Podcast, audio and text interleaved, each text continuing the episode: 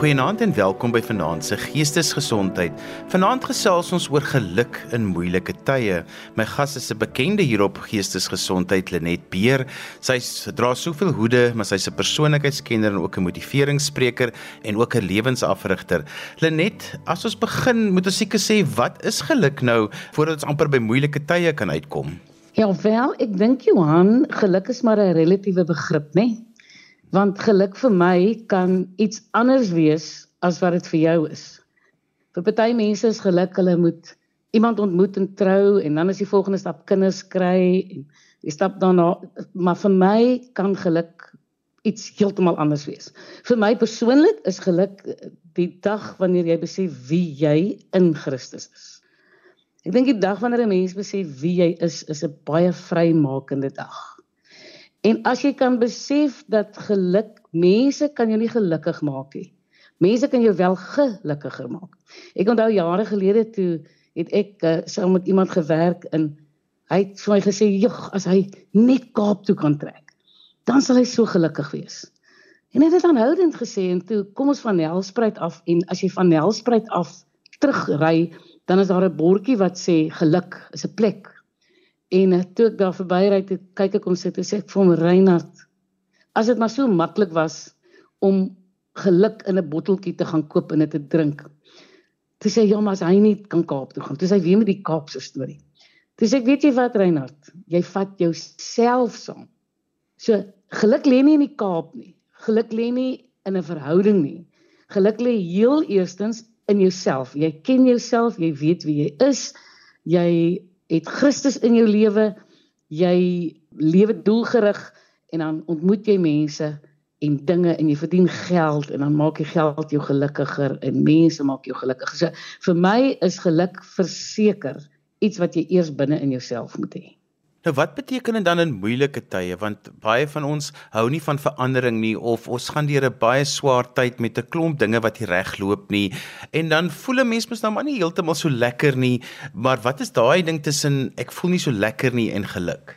Johan vir my hier gaan dit oor die locus van beheer beginsel Nou hoekom ek dit sê? Want dit bepaal dat jy bewus sal word van hoe jy jouself in die wêreld en in jou omstandighede sien. Kyk, dit draai veral om jou persoonlike definisie van jou kragbron. Kom jou krag van binne of kom dit van buite? En hierdie is belangrik. Want as jou locus van beheer ekstern is, dan sien jy jouself die heeltyd as 'n slagoffer van jou omstandighede. Dan is jy 'n mens wat vra vra soos waarom het dit met my gebeur? En nie met iemand anders nie. Want onthou jou locus van beheer is ekstern. Wanneer goeie dinge met jou gebeur, skryf jy dit toe aan toeval of of geluk.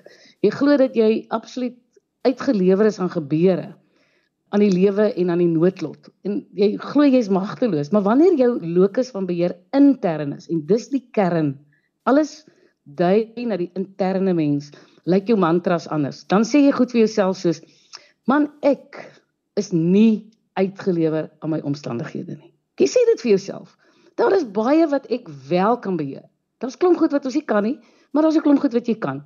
Ek bepaal tot 'n baie groot mate, bepaal ek my toekoms. Dit is wanneer jy jou jou locus van beheer intern is.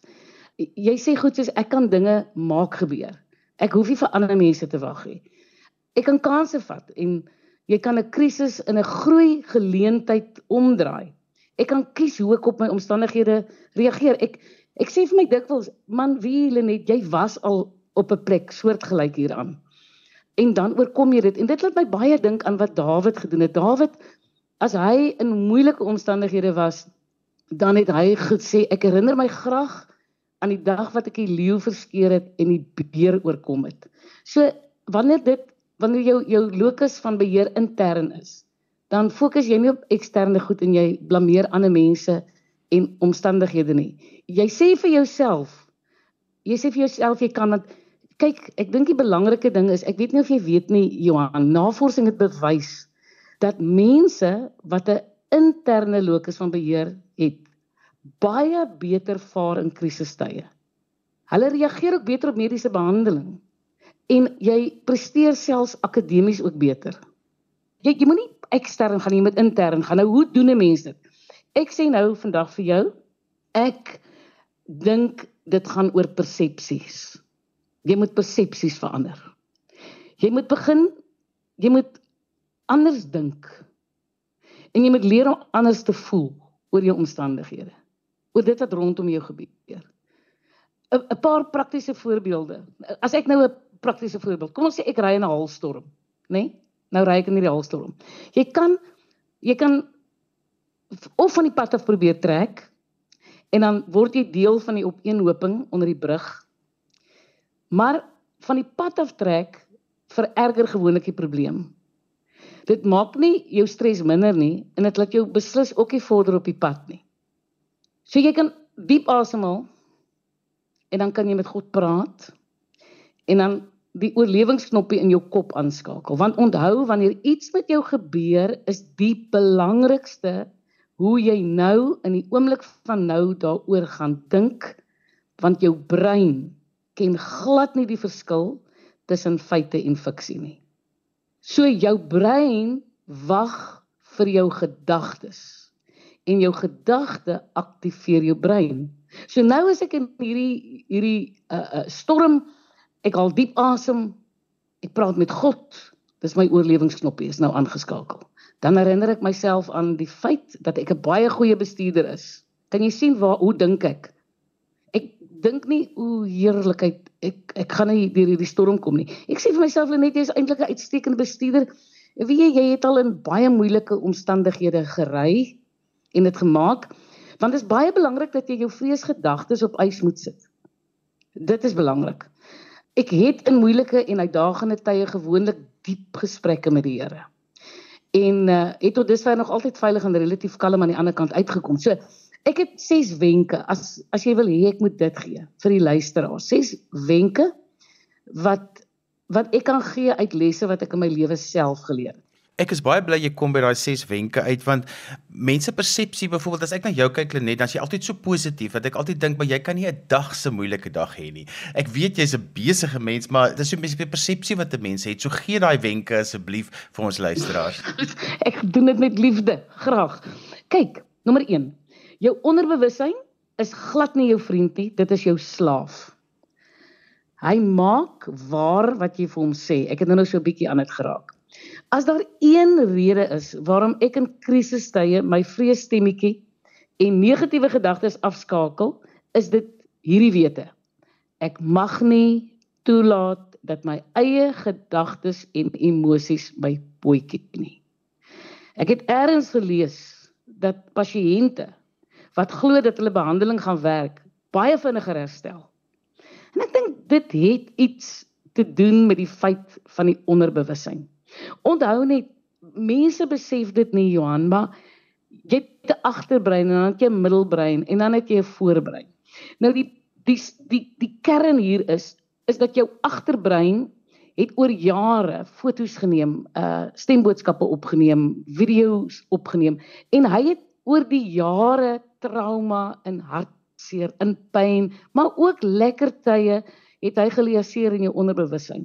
Maar omdat negatiewe gedagtes 'n baie groter deel van die brein vorm, is die mens geneig om wanneer iets met hulle gebeur, dink hulle eers negatief. So jou middelbrein is 80000 keer vinniger as jou voorbrein.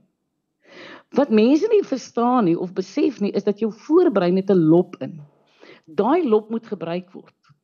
Nou jy kan nie in die voorbrein funksioneer nie want net hulle sê jy jy's soos in 95% van jou lewe leef jy tussen jou agterbrein en jou middelbrein. Want dit verg 'n doelbewuste besluit om uit jou emosionele brein wat 80000 keer vinniger is as jou voorbrein uit te beweeg. Nou sê jy het so 5 sekondes nodig. So as daar nou 'n insident gebeur, is ek in my middelbrein.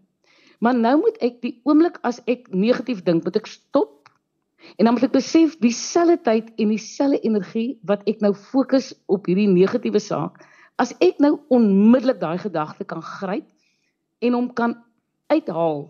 Jy moet hom uithaal en jy moet hom oorstoot voor brein toe en dan gebruik jy jou energie wat jy die probleem sou oordink het dan dink jy die oplossing. Want daai lop in die voorbrein plaas goed in perspektief, maar ongelukkig val ons vas in die emosionele brein, daar brein daai brein wat 80 000 keer vinniger is. So jy moet doelbewus lewe om te besef, hier kom die gedagte, ek gryp hom, ek haal hom uit. Ek spandeer nou daai tyd om die oplossing te bedink. So, die tweede punt is, soms is dit nodig om ente te gaan stap om jou kop skoon te maak en perspektief te kry. Nou jy weet die lewe is besig, dis haastig. So jy moet jou kop skoon kry. Johan, dis wetenskaplik bewys dat stap iets vir jou brein doen en maak dat jy liggaam en siel bymekaar uitbring en jou denke en emosies kan stabiliseer. Dis iets wat jou voetsole en jou brein met mekaar verbind. Dis so iets. En dan kan jy eers helder dink en anders dink. Nommer 3 Dis belangrik om jou persepsie van jou probleem of die wêreld wat om jou intuimel uit te daag, nie te aanvaar nie, nie meer saam te leef nie, jy moet dit uitdaag. Want dikwels is daar baie dinge wat totaal buite jou beheer is.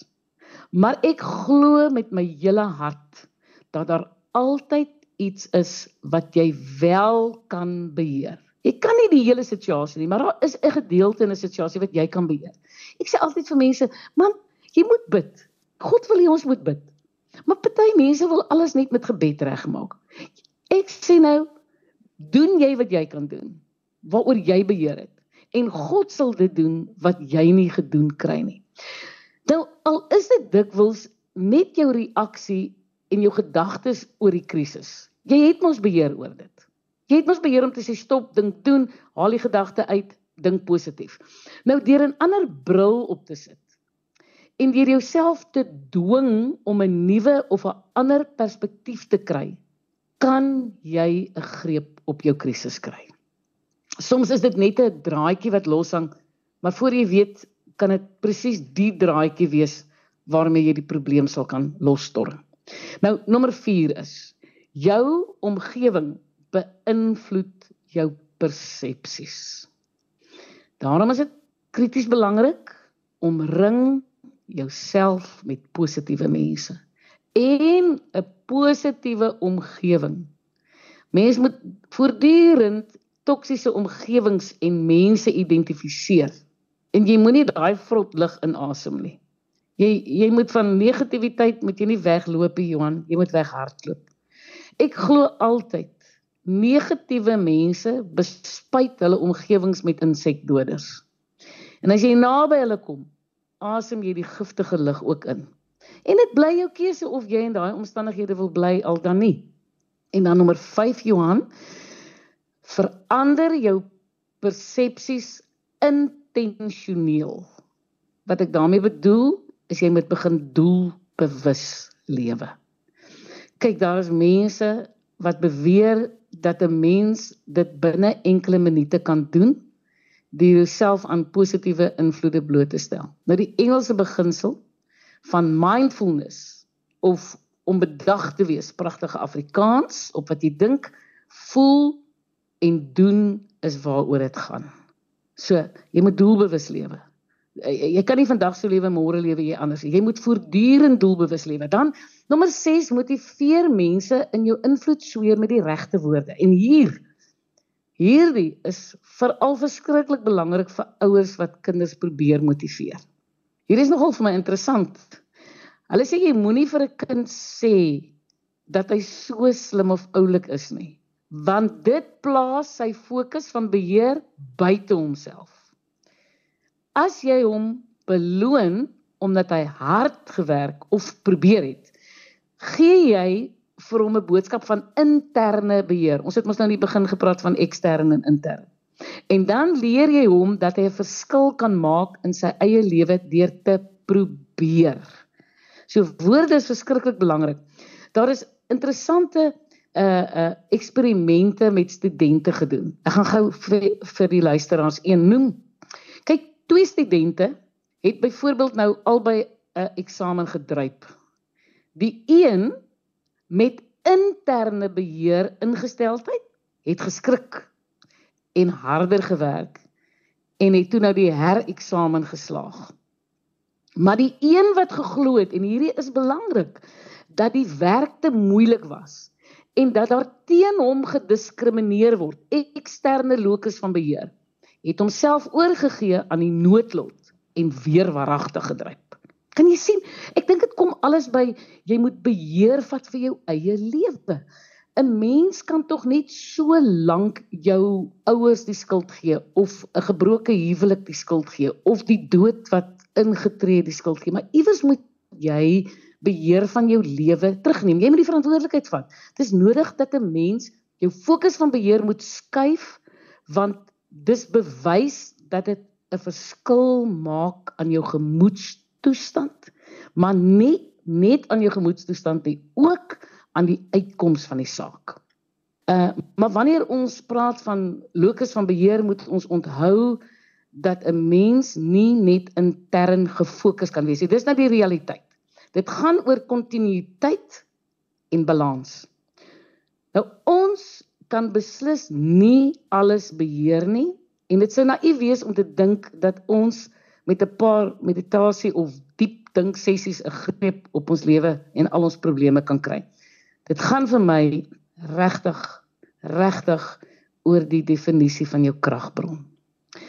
En hy Johan hier het ons so nuttige beeld om te gebruik. Almal gaan nou met my kan identifiseer. Verbeel jouself jy het vir jou 'n sonkragstelsel laat installeer. Nou Eskom se manewales sal jou nog steeds laat sug. Maar wanneer beurtkrag inskop, sal jy weet jou ligte kan nog brand en jy kan aangaan met werk en lewe. Jy gaan miskien die gasstofie moet nader sleep want jy wil nie nou jou sonkragbattery pap trek nie, maar jy kan oorskakel na 'n ander kragbron. Nou dis presies wat ek doen wanneer dinge om my te veel begin raak. Jong wanneer krisisse en chaos rondom my opbou, al ek diep asem. Ek dwing myself om dit wat gebeur het nie te bekyk En dan weet ek, ek het hierdie ek het hierdie stille wete in my binneste dat God by my is. Want dis die een vastigheid in my lewe wat altyd bly staan. Want ek weet dat ek nooit alleen is nie. Ek weet dat Romeine sê vir hulle wat God liefhet, werk alles ten goeie mee. Ook dit wat sleg is. Ek moet nie ek moet my fokus skuif en sien Here, wat is die plan agter dit? Here, wat is die groter prent wat ek moet moet sien? Ek sien ook vir myself, ag Nita, jy was al hier man. Jy het al baie berge geklim. Jy sien God God was by my met baie ander goed, soos Dawid. En ek het geen rede om nie in hierdie krisis waaraan ek nou is ook nie te oorleef nie. Want hy beloof dat niks wat met jou gebeur bo jou kragte gaan wees nie. Jy weet ons Johan, as jy geanker is, as jou kragbron God is, dan kan jy maar net Romeine 8 vers 28 om jou nek bind en die ander vers wat jy om jou nek bind is 1 Korintiërs 10:13. En ek het dit nou gesê, ek gaan dit nou weer sê, want dit maak dat ek nie ontspoor nie. Kyk, ek gly. Ek kry daar wat ek gly, maar ek val nie. Want ek herinner my voortdurend Vir hulle wat God liefhet, werk alles ten goeie. So hier is goed in hierdie saak. Ek moet dit net kry. En ek gaan nou my tyd en my aandag spandeer om die oplossing te bedink. En dan sê ek vir my, dan sê ek vir my dat God beloof het dat niks wat met my gebeur bo my kragte is nie. Of dit nou dood is dat ek iemand dierbaar aan die dood moet afstaan of dit is dat ek 'n werkskrisis of 'n verhoudingskrisis beleef. Ek is nie alleen nie. Ek moet my interne beheer, my fokus, my locus van interne beheer moet op God wees en wat hy al vir my gedoen het. En dan baie belangrik ook vir my is ek onthou Viktor Frankl se lese dat ons as mense in staat is om betekenis te maak uit wat ook al met ons gebeur.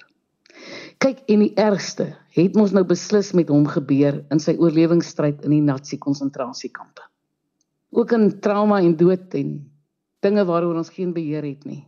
kan ons onsself dwing om betekenis te maak. En dan met al hierdie goed wat ek nou gesê het, ruim ek die chaos tot die beste van my vermoë op deur my gedagtes te orden. Ek haal net greel diep asem. En dan herinner ek my dat dat God steeds in beheer is. Al maak dinge nie altyd sin nie.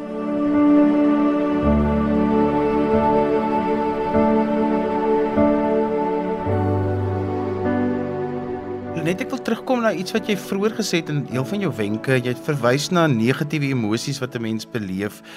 Hoe hanteer 'n mens daardie negatiewe emosies en kry mens daai stemmetjie stil wat jou heeltyd net daarvandaan na verder aftrek? Kyk, die groot ding van emosies is emosies is net 'n gevoel. Dis nie noodwendig die waarheid nie. Wie hoe sien ek emosies? Ek sien dit as vriendelike boodskappers. Al is 'n emosie negatief, nê? Nee? Dan sê ek goed, hierdie is 'n is 'n vriendelike boodskapper. So ek onthou my brein kan nie onderskei tussen tussen feite en fiksie nie, glad nie. So nou ervaar ek, kyk positiewe emosies is tog lekker. Jy hoef nie oor dit te bekommer nie. Dis die negatiewe gedagtes. So as ek voel my gemoedstoestand gaan af, dan sê ek vir myself goed, hierdie is nou 'n vriendelike boodskapper wat vir my nou iets wil sê. Nou vra ek vir myself, wat voel ek? Voel ek kwaad? Voel ek verneder? Voel ek eensaam? Voel ek verwerp? Want jy moet daai emosie deur 'n filter stoot. En jy moet 'n naam gee. Baie keer sal mense sê ek is nou so kwaad. Dan kyk ek hulle dan sê ek wag, wag gou. Wag, wag. Kom ons kyk, kom ons kyk gou na jou emosie. Vertel vir my wat het gebeur. Dan sê ek, is jy kwaad of is jy teleurgesteld? Want wanneer jy vir jou brein 'n boodskap gee, skei jou brein sekere stowwe af. So nou sê ek ek is kwaad. Nou stoot die bloed moet nou deur baie dun aartjies gestoot word. Daai bloed gaan op brein toe. Nou as ek sê ek is kwaad, dan storm stroom daai brein die die bloed. Nou sê Caroline lief, ek gaan dit nou baie eenvoudig verduidelik. Ai, as daar nou sielkundiges is wat vir my luister, vergewe my, hoor my hart. Ek wil dit net prakties maak. Nou sê Caroline lief dat jy boontjies hier in jou brein.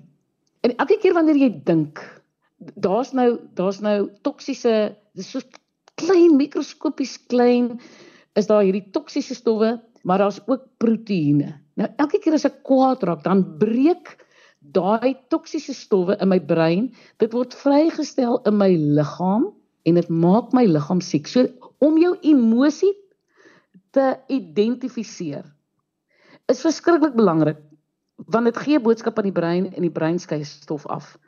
En siekte kom nooit van buite nie. Siekte kom altyd van binne. En wanneer jy emosioneel raak en jy top en jy top, onthou as jy iets verkeerd sê. Ek ek voordat ek 'n verkeerde iets kan sê, moes ek dit gedink het. So, nommer 1, kry die prentjie. Ek dink dit. sien 'n groefie voor jou. Daar's 'n groefie want ek dink negatief. Ek is nou emosioneel. Nou sê ek dit wat ek dink. Daar's 'n tweede groefie. Maar die oomblik wanneer ek dit sê, dan word hy teruggegooi in my brein dan is dit 'n derde groefie. So die oomblik wanneer ek emosioneel raak, het ek drie groefies met een gedagte in my brein bane ingegooi. Nou die enigste verskil tussen 'n groefie en 'n graf is die diepte. Jy weet, hulle sê as jy by 'n plek soos 'n uh, Vista gaan, waar mense nou eindig wat depressief is en deur baie trauma gegaan het. Hoor hierdie statistiek Johan, net 25% van kom ons sê daar's 100 mense nou. Jy stap by Vista kliniek in. Daar is nou 100 mense. Net 25 van daardie 100 mense 25% wat 25 is, hulle is daar as gevolg van genetiese wanbalanse in die omgewing. Die res, die ander 75% is daar as gevolg van verkeerde denkpatrone. Met ander woorde, hulle het emosioneel geraak. Hulle het nie gestop nie, hulle het nie gedink nie. Hulle het nie die gedagte deur 'n gedagtefilter gegooi om presies te weet wat hulle voel nie. Daarom gee hulle vir hulle brein die heeltyd negatiewe boodskappe. Die brein skei toksiese stowwe af en dit maak die liggaam siek. Maar die wonderlike ding is wanneer ons positief kan dink, as ons daai gedagte die oomblik as hy kom kan gryp, hom kan uithaal en ons doelbewus kan dwing om die oplossing te bedink, dan skei die brein proteïene af. En proteïene vorm nuwe breinbane. Dan lewe jy meer gebalanseerd. So wat is dit wat ek doen? Want ja, ek raak ook ek is nie altyd soos wat jy nou nou gesê het Johannes jy nou my kyk lyk dit asof ek altyd energie is het en positief is ek is ek moet vir jou sê ek wil sê 'n groot gedeelte daarvan maar ek het dit aangeleer vir myself onthou my temperament is eintlik 'n ongekende emosionele temperament van al vier die temperamente is my temperament wat 'n geel temperament is wat ek dink nie al die luisteraars ken nou my temperamente nie. Maar dit is die hoogste emosionele persoon wat jy kan kry. So ek het doelbewus hard gewerk aan my emosies. Ek het besef dat 95% van die kere wat ek afleidings gemaak het, want dit is ook 'n internasionale statistiek, 'n wêreldstatistiek. 95% van die kere wat ons afleidings maak, is ons verkeerd. En toe ek en toe ek besef dat ek myself kan siek dink. Toe ek net besluit maar ek gaan nou elke gedagte gaan ek vir my sê is ek kwaad, is ek teleurgesteld, is ek verwerp? Want eintlik kan mense jou nie verwerp nie. Hulle kan nie. Hulle kan jou verwerp, maar dit hang af hoe jy na dit kyk. En omdat ek glo dat vir hulle wat God liefhet, alles ten goeie meewerk, as 'n verhouding van my eindig. Nee, as want dit het al gebeur. Ek het al gepyn man. Ek het op 'n stadium met 'n liefde uh, kyk ek sou trou met die man en toe los hy vir my. Ek het in die hospitaal geland, maar dit was voordat ek my brein geoefen het om met my emosies te werk en te bestuur. Nou weet ek, mense wat in my lewe kom, stuur God. Party kom lewenslank in jou lewe, party kom net vir 'n tydperk, vir 'n seisoen. So ek aanvaar dat daardie verhouding se tyd is verby en ek beweeg aan. Ek top nie daaroor nie. Ek voel jy het my verwerp nie. Ek voel God het dit so gewil. Jy weet toe ek in die koöperatiewe bedryf was, toe was ek een van vier direkteure. Die Here het my voorberei vir 2 jaar dat ek dat daardie seisoen in my lewe tot 'n einde kom. So ek het dit gesien, ek het vir my brein gesê want ek het baie geld verdien Johan, dit was vir my 'n wonderlike wêreld. Ek verdien glad nie meer daai geld nie, maar ek het geweet die seisoen is verby ek is nie eers kwaad vir dat ek nie 'n goeie uitbetaling gekry het nie. Want ek weet dat my tyd verby is. Ek weet dat God die groot voorsiener is en dat hy sal voorsien en dat hy vir my nuwe deure sal oopmaak. So hoe beheer ek my emosie? Nommer 1, my locus van interne beheer is God is in beheer van my lewe. Hy bestuur my lewe. Ek doen wat ek kan doen, hy doen wat ek nie kan doen nie. Ek gryp elke gedagte vas. Ek meet dit is dit 'n persepsie of is dit 'n waarheid? As dit 'n persepsie is, gooi ek hom van die tafel af. Ek gee die emosie 'n naam. Ek is nie teleurgesteld. Ek is nie verwerp nie. God het hierdie laat gebeur in my lewe en ek beweeg aan. As jy nie Romeine 8:28 en 1 Korintiërs 10:13 leef nie, val jy uitmekaar uit, jy ontspoor, jy bloei, jy's nerf af. My behoud is 1 Korintiërs 10:13, Romeine 8:28. Lenet ek hou se van wat jy gesê het van dat 'n seisoene ook tot einde kom en baie keer dink ek moeilike tye is dan ook deel van daai seisoene wat tot einde kom en dan kom dan nou weer nuwe lentes. Jy het geraak aan temperamente want dit was wat ek volgende wou by uitkom is dat temperamente maak dat en daar's verskillende temperamente by mense dat mense geluk en moeilike tye dan ook verskillend benader en beleef. Ja. Jy is so reg. Weet jy wat gebeur? As jy uh daar's vier temperamente wat ek nou maar kleure gegee het want dit is net makliker vir mense om dit te verstaan. Jy het jou prettige geel mens.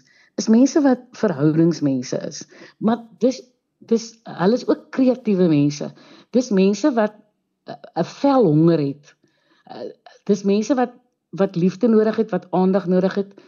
So hulle gaan verskriklik sukkel met hulle emosies omdat hulle so uh, 'n groot behoefte het aan liefde en aanvaarding, nê. Nee, so hulle gaan baie sukkel. Rooi mense, uh hulle is jou rasende rooi mense. Dit is dis mense wat eintlik altyd in beheer is van hulle lewe. Hulle hulle is baie sterk. Hulle lewe doelgerig. Hulle is ook jou gebore leiers. Nie dat die ander temperamente nie leiers is nie, maar hulle is regtig jou gebore leiers. Hulle is soos Paulus in die Bybel wat die kerk gebou het, nê. Maar onthou toe Paulus Saulus was, was hy maar 'n rakker. Hy het die Christene vervolg. En ek dink God het baie keer na Paulus gekyk en gedink, "Jou klein twak, ek het jou nie geroep om die Christene te vervolg nie. Ek het jou geroep om die kerk te bou." 'n Rooi mens luister nie sommer na ander mense nie, want hulle glo hulle het al die antwoorde. So wanneer dit kom by emosies, Johan, op die oog af, raak rooi mense baie geïrriteerd met ander mense want hulle dink ander mense is onnodig emosioneel omdat hulle nie hulle emosies wys nie. Hulle glo om om jou emosies te wys en dit te erken is 'n teken van swakheid. Dan kom jy by jou groen mense. Nou jou geruste groen mense en jou prettige geel mense is verhoudingsmense. Maar jou geel mens is jou emosionele verhoudingsmens. Jou groen mens is jou introvert.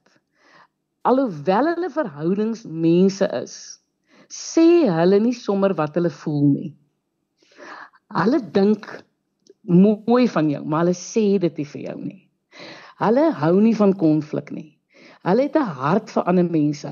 Hulle emosies lê in hulle familie. Hulle hulle familie is vir hulle nommer 1.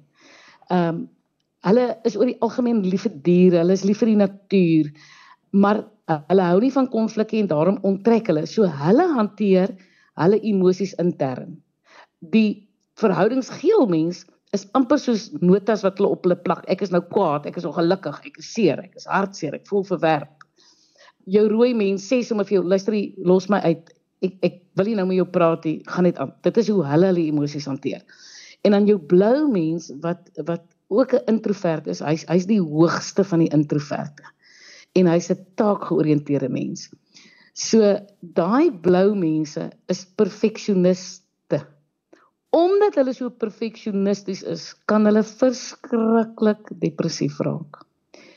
Want hulle neem goed baie persoonlik op.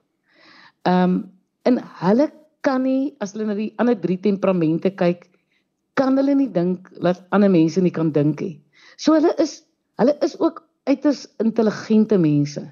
Maar omdat hulle so intelligent is, verwag hulle al die ander mense moet dink soos hulle dink en doen soos hulle doen. En as dit nie gebeur nie, dan gaan hulle in 'n spiraal af en dan raak hulle verskriklik depressief.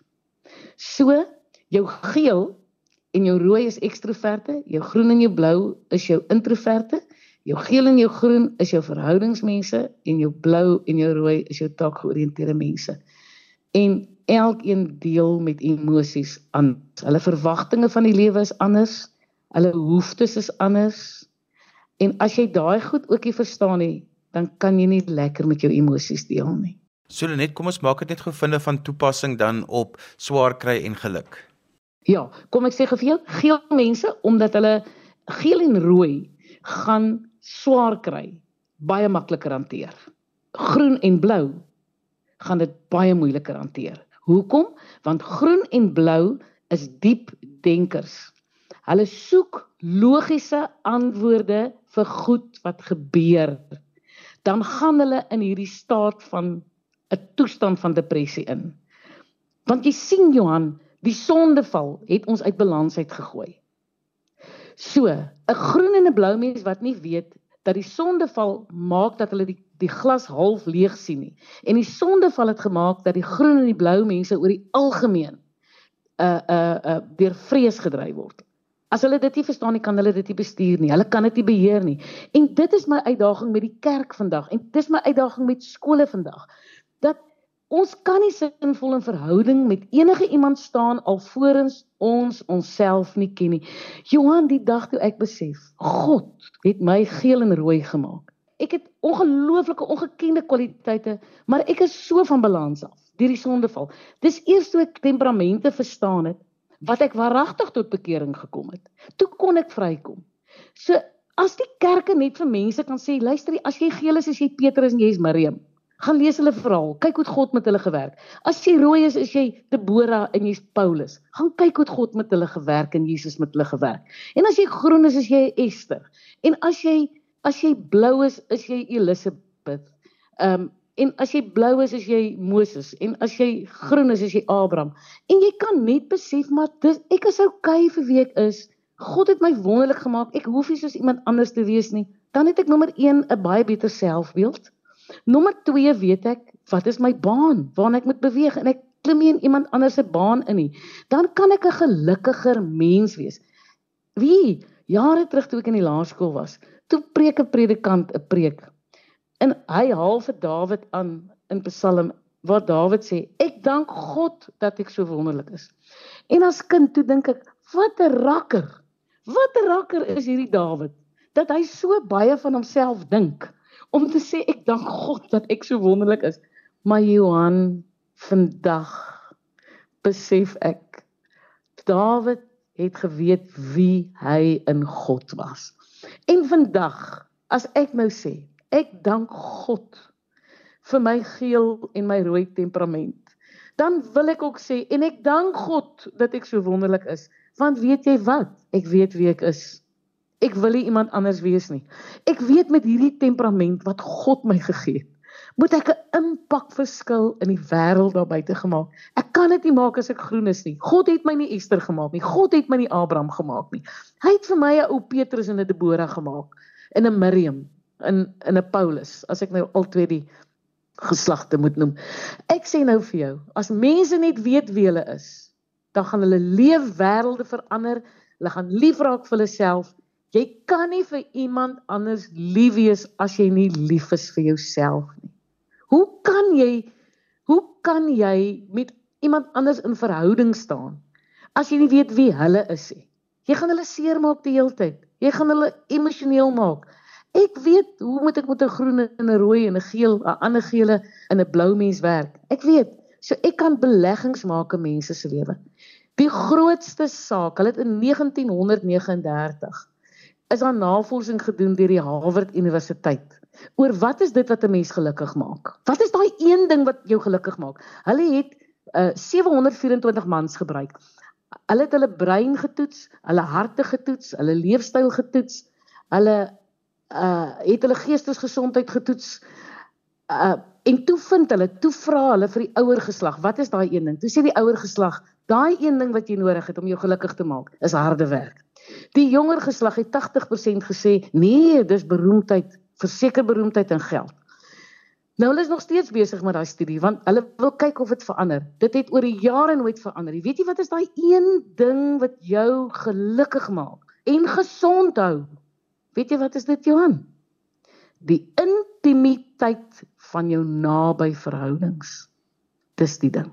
Oor jare van, dis al 90 jaar wat hulle besig is met daai studie.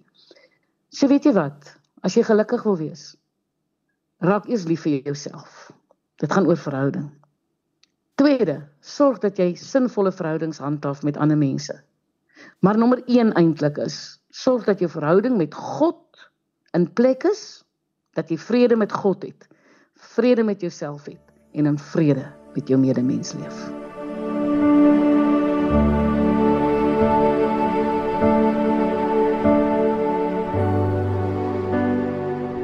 Net jy kom by 'n belangrike ding uit van die mense om jou een van die dinge as dit swaar met 'n mens gaan is dat mens baie keer die swaar kan hanteer soos wat jy konflik hanteer. Party mense vries, party mense begin beklei, party mense onttrek heeltemal en kry stilstype. So dis nog 'n belangrike dat 'n mens ook moet weet hoe om hierdie moeilike tye te hanteer vanuit 'n oorlewingsmeganisme uit. Ja, en en hoe doen 'n mens dit Johan uit 'n oorlewing vanuit 'n oorlewingsperspektief uit? Jy besef dat jy is nie alleen in hierdie saak nie. Kom ek verduidelik vir jou as ek dit sê. Met ander woorde, ek het my boetie verloor 4 jaar gelede. Weet jy, die eerste ding wat ek vir my gesê het is ek het erken dat dit sleg is. Ek ek mis hom elke dag. Hy het uit 'n groen temperament gehad. As ek sê ek is nie alleen in die saak nie, dan beteken dit ek is nie die enigste een wat hulle boetie verloor het nie. Daar's ander mense wat deur dieselfde gegaan het. Kom ons sê byvoorbeeld iemand het hulle werk verloor dan moet daai een uit 'n oorlewingsstryd sê: Ek is nie die enigste een wat al my werk verloor het nie. As ek deur 'n egskeiding gaan, dan sê ek vir myself, ek is nie die eerste en enigste een wat al deur 'n egskeiding gegaan het nie. Uit 'n oorlewingsstryd moet jy net nooit op 'n plek kom waar jy jouself bejammer en dink dat jy die enigste een is wat deur hierdie krisis gaan nie. Daar's duisende, miljoene ander mense wat al deur dit gegaan het wat weer lief gekry het, wat weer begin lag het, wat die son weer sien skyn het, wat die verskillende groene weer raak gesien het nadat dit vir 'n jaar of 2 jaar bruin was om hulle. Jy is nie die enigste een nie. Ek sê nou vir jou, as jy wil oorleef, moet jy jy kan nie op 'n punt kom wat jy dink die wêreld het nou teen jou gedraai, jy verloor jou werk. Dis nie persoonlikie, dis omstandighede wat dit bring. Ons lewe in 'n gebroke wêreld waar daar dinge gebeur waarvan ons nie hou nie. Dit gebeur nie net met my nie, dit gebeur met jou, dit gebeur met die een langs jou. So uit 'n oorlewingsstryd moet jy vir jouself sê hierdie ding het met my gebeur. Ek is nie die enigste een of die eerste een wat daardeur gaan nie. Ander het daardeur gegaan, ander het oorleef. Die tweede saak wat jy moet sê is jy moet jou brein vir jou met jou brein praat want hy hy gaan net die boodskap vat wat jy vir hom gee. Jy sê brein, dis nou waar ek is. Dis my omstandighede. Ek gaan nou fokus op die uitkoms. Want die eerste 4 minute voordat jy gaan slaap is die belangrikste 4 minute. Is dis die belangrikste. Want dit waarmee jy gaan slaap, word jy die volgende oggend mee wakker. Nog voordat jy jou eerste koppie koffie in het, praat jy jou weer in jou probleme in. En die wonderlike ding wat wat gebeur deur die nag is daar word elke nag miljoene nuwe breinselletjies, baba breinselletjies gebore gebruik daai nuwe breinselle elke oggend as jy opstaan. Gebruik hulle. Hou op om hierdie ou breinselle te gebruik wat negatief is, wat hartseer is, wat elende bring en sê Here, dankie vir nuwe baba breinselle. Vandag span ek hierdie nuwe baba selletjies in en ek bedink die oplossing. Maar om jou te antwoord kom ek weer terug. Die antwoord is ek is nie die enigste een wat hierdeur gaan nie. So as ander dit kon maak, kan ek dit ook maak. En so gesels Lenet Beer, ons het vanaand gesels oor wat 'n impak het moeilike tye op my geluk. Lenet, as mense met jou verder wil gesels, hoe kan hulle met jou kontak maak? Hulle kan na my webblad gaan www.lenetbeer.co.za. Hulle kan ook vir my 'n uh, e-pos stuur na uh lenet@lenetbeer.co.za.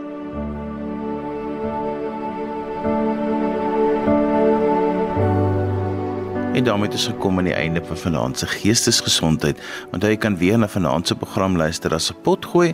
Laai dit af by resgep.co.za. Skryf gerus vir my 'n e e-pos by Johanvanlull@gmail.com en onthou daai Johan het net een N. En daarmee groet ek dan vir vanaand. Kyk mooi na jouself. Tot volgende keer van my Johan van Lill. Totsiens. thank you